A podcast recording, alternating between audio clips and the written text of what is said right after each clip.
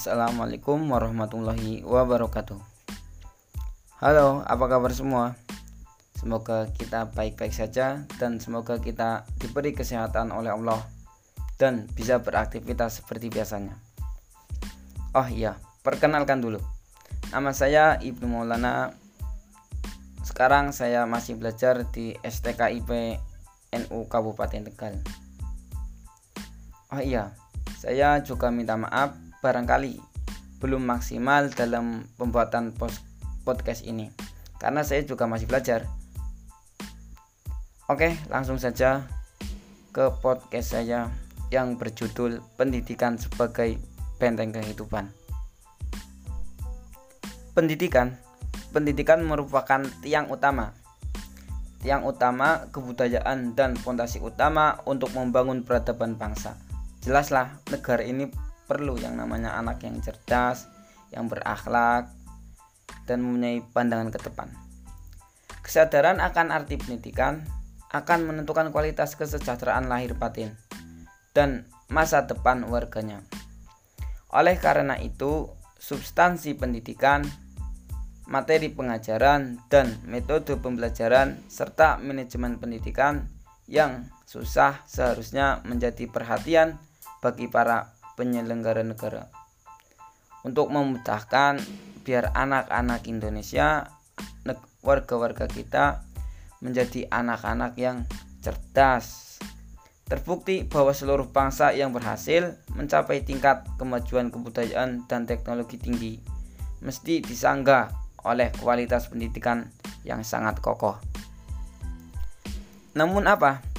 namun ekstensif pendidikan yang ada di Indonesia pada saat ini masih menjadi permasalahan. Karena apa? Karena masih banyak anak-anak bangsa yang belum mendapatkan pendidikan. Masih banyaklah anak-anak yang bergelandangan-gelandangan.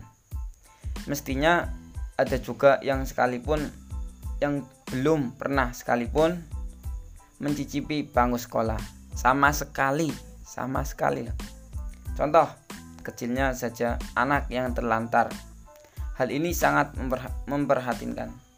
Sebenarnya mereka juga mempunyai hak yang sama seperti anak-anak yang sudah mendapatkan pendidikan yang layak. Seperti contoh, anaknya orang kaya. Arah bangsa nantinya ada pada tangan mereka. Karena apa? Karena mereka lah nantinya yang akan menjadi penerus perjuangan bangsa kita. Gimana bangsa Indonesia akan maju di situlah nasib bangsa ini berada di tangan tangan anak-anak sekarang. Pendidikan merupakan hak setiap warga negara. Namun kenyataannya apa? Masih ada beberapa dari mereka yang belum mendapatkan hak tersebut. Sehingga saat ini peluang terbesar untuk memperoleh akses pendidikan yang baik hanya anak orang yang kaya dan anak yang pintar dengan bermodalkan kemampuan ekonomi yang lebih dari cukup. Terus didukung dengan kemampuan berpikir tinggi. Menjadi faktor pendukung untuk memperoleh akses pendidikan yang lebih baik. Mereka berpulang, berpeluang besar memasuki sekolah-sekolah elit berkualitas, terus berstandar nasional bahkan internasional. Hal ini menciptakan lingkungan belajar mengajar yang kondusif karena ditunjang dengan kualitas anak didik yang punya daya pikir tinggi. Selain itu, tersedianya sarana prasarana yang lengkap membantu mewujudkan pendidikan yang mapan. Pada saat ini, sekarang pendidikan yang ada di Indonesia terbentuk sistem pasar. Apa itu yang namanya sistem pasar? Yaitu bagi mereka yang memiliki uang bagi mereka yang anaknya orang kaya, maka mereka akan mendapatkan pendidikan yang layak. Sebenarnya hal tersebut tidak boleh terjadi. Adapun ada beberapa hal yang membuat pendidikan di Indonesia semakin melenceng dari cita-cita bangsa. Yang pertama, kecenderungan pendidikan Indonesia yang semakin elitis dan tidak terjangkau rakyat miskin masih banyak rakyat-rakyat yang belum mendapatkan pendidikan. Dalam hal ini, pemerintah dituding membuat kebijakan yang diskriminatif sehingga menyulitkan rakyat kecil mengakses pendidikannya. Jelaslah banyak banyak mereka anak-anak yang masih terlantar. Padahal mereka adalah calon-calon bibit penerus bangsa kita. Terus yang kedua, lahirnya sistem pendidikan yang tidak memberdayakan. Dalam konteks ini, kebijakan yang terbentuk semata-mata untuk mendukung status quo dan mem memapankan kesenjangan sosial. Terus yang ketiga, kurangnya orientasi pendidikan terhadap pembangunan moral. Hal ini dapat dibuktikan dengan melihat realitas anak-anak yang bertindas amoral atau bertindak amoral sehingga sering dikatakan pendidikan minus budi pekerti atau kurangnya adab. Telah dipahami oleh para pendidikan. Telah dipahami oleh para pendidik bahwa misi pendidikan adalah yaitu mewariskan ilmu dari generasi ke generasi selanjutnya. Jangan sampai generasi itu terputus dengan begitu saja. Ilmu yang dimaksud yaitu antara lain pengetahuan, tradisi, dan nilai-nilai budaya atau keberadaban. Sangat penting sekali itu adabiah. Secara umum, penularan ilmu tersebut telah diemban oleh orang-orang yang terbeban terhadap generasi selanjutnya.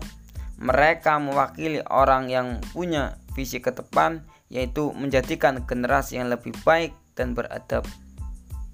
Betapa sangat pentingnya pendidikan ini di negara-negara yang maju pun tentunya tidak akan terlepas dari peran pendidikan. Berbicara tentang pendidikan ini, dalam Undang-Undang Dasar pasal 31 ayat 1 dan 2 sudah dijelaskan yaitu bahwa setiap warga negara berhak mendapatkan pendidikan wajib mengikuti pendidikan dasar dan pemerintah wajib membiayainya negara juga memprioritaskan anggaran pendidikan sekurang-kurangnya 20% dari APBN dan APBD. Pertanyaannya, sudahkah semua anak bangsa mendapatkan haknya? Non. Melihat fakta, melihat fakta saat ini, di Indonesia setiap tahunnya lebih dari 1,5 juta anak sekolah tidak melanjutkan pendidikannya ke jenjang yang lebih tinggi. Menurut saya pribadi, memang sudah seharusnya kita menomorsatukan pendidikan. Karena sesungguhnya pendidikan itu adalah hal utama yang dibutuhkan untuk membangun bangsa Indonesia. Percuma saja jika bangsa Indonesia terus melakukan pembangunan secara fisik, namun tidak dibarengi dengan pembangunan dalam bidang pendidikan, karena memang sudah menjadi tuntunan, tuntunan zaman, bahwa kita harus menomorsatukan pendidikan. Jadi, pendidikan itu sangat penting untuk bekal kita untuk bekal negara kita menjadi negara yang maju, menjadi negara yang lebih baik daripada negara-negara lain. Dimulai dari anak-anak muda sekarang. Karena anak muda, karena anak muda sekarang adalah pemimpin di masa depan. Dalam hal tersebut dijelaskan mengenai masalah pendidikan. Pendidikan apa? Yaitu eks eksistensi pendidikan. Di sinilah terdapat kekurangannya bangsa Indonesia yang masih belum meratakan pendidikan. Contohnya, masih banyak anak-anak yang bergelandangan di jalan. Padahal mereka adalah masih muda, mereka anak pemuda Indonesia yang berhak mendapatkan pendidikan. Toh, tapi kenyataannya Kenapa mereka tidak mendapatkan pendidikan? Karena berimbas kepada negara kita, sehingga masih banyak generasi penerus bangsa yang tidak memiliki kesempatan untuk merasakan pendidikan. Melencengnya pendidikan dari cita-cita bangsa memang disebabkan oleh ketiga faktor yang telah dijelaskan di atas. Kecenderungan pendidikan Indonesia yang semakin elit, semakin modern ataupun semakin nasional, semakin internasional. Jadi mereka lah anak-anak orang yang kaya, anak-anak orang yang mempunyai ekonomi lebih. Jadi mereka mampu untuk sekolah ke sekolah yang lebih tinggi ataupun ke sekolah yang lebih elit. Ketika orang-orang yang ekonominya kurang ataupun penghasilan orang tuanya kurang, mereka tidak akan mampu ataupun belum mampu untuk sekolah yang elit karena biaya mereka biaya untuk sekolah itu tidak terjangkau. Biasanya buat makan aja susah. Tetapi perlu kita sadari bahwa pendidikan itu sangat penting dan pendidikan itu harus diutamakan karena di situlah masa depan mereka ataupun masa depan negara kita akan terlihat. Semisal Jikalau anak muda sekarang belum mempunyai pendidikan, jikalau anak pemuda sekarang tidak mempunyai moral, maka apalah jadinya negara kita di zaman yang akan datang. Adapun faktor-faktor yang menyebabkan melencengnya pendidikan di negara kita kecenderungannya pendidikan Indonesia yang semakin elit tadi kan dan terjangkaunya rakyat miskin dan tidak terjangkaunya rakyat miskin karena sebetulnya bukan hanya kaum mereka saja yang bisa merasakan sekolah namun anak-anak yang kurang beruntung pun layak untuk mendapatkan pendidikan. Karena pendidikan adalah hak setiap warga negara. Faktor yang kedua yaitu lahirnya sistem pendidikan yang tidak memberdayakan.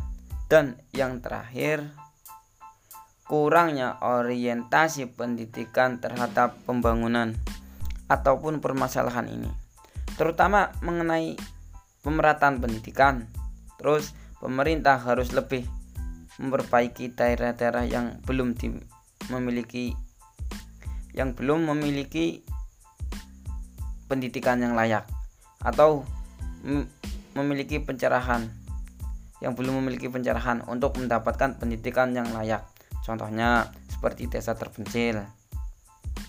Jangan sampai ada generasi penerus bangsa yang belum bisa mendapatkan kesempatan untuk menjadi pembangun bangsa. Solusinya untuk permasalahan dalam hal ini yakni kita sebagai generasi penerus bangsa harus memajukan pendidikan Indonesia. Bukan hanya sekedar bisa merusak citra pendidikan dengan berbagai tindakan tidak bermoral.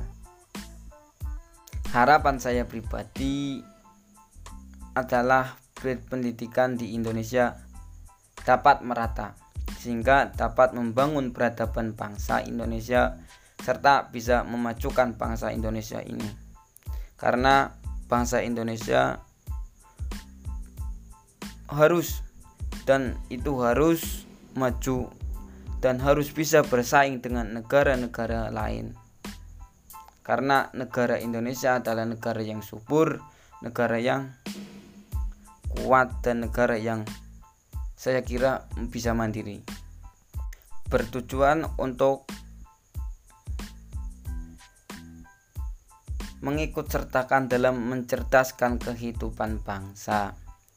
Ketika bangsa ini maju, ketika negara ini maju, pastilah dari leluhur-leluhur kita ataupun dari pahlawan-pahlawan yang telah gugur dalam medan perang pasti akan merasa senang dan anak cucu kita pun akan menikmati hasil-hasil yang telah kita perjuangkan atau yang telah kita tanam dari kita sendiri.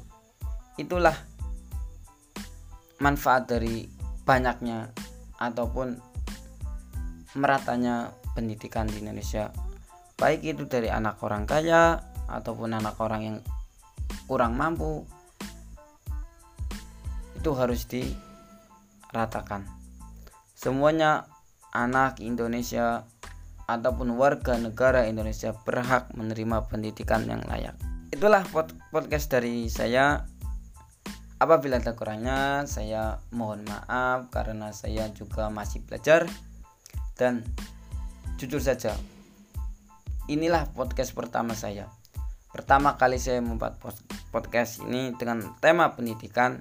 Semoga bisa bermanfaat dan bisa menjadikan motivasi kita semua agar kita bisa menjadi anak yang cerdas, anak yang bisa membanggakan kedua orang tua, terus bisa membanggakan negara kita sendiri sebagai negara yang maju, negara yang bisa mandiri terus negara yang bisa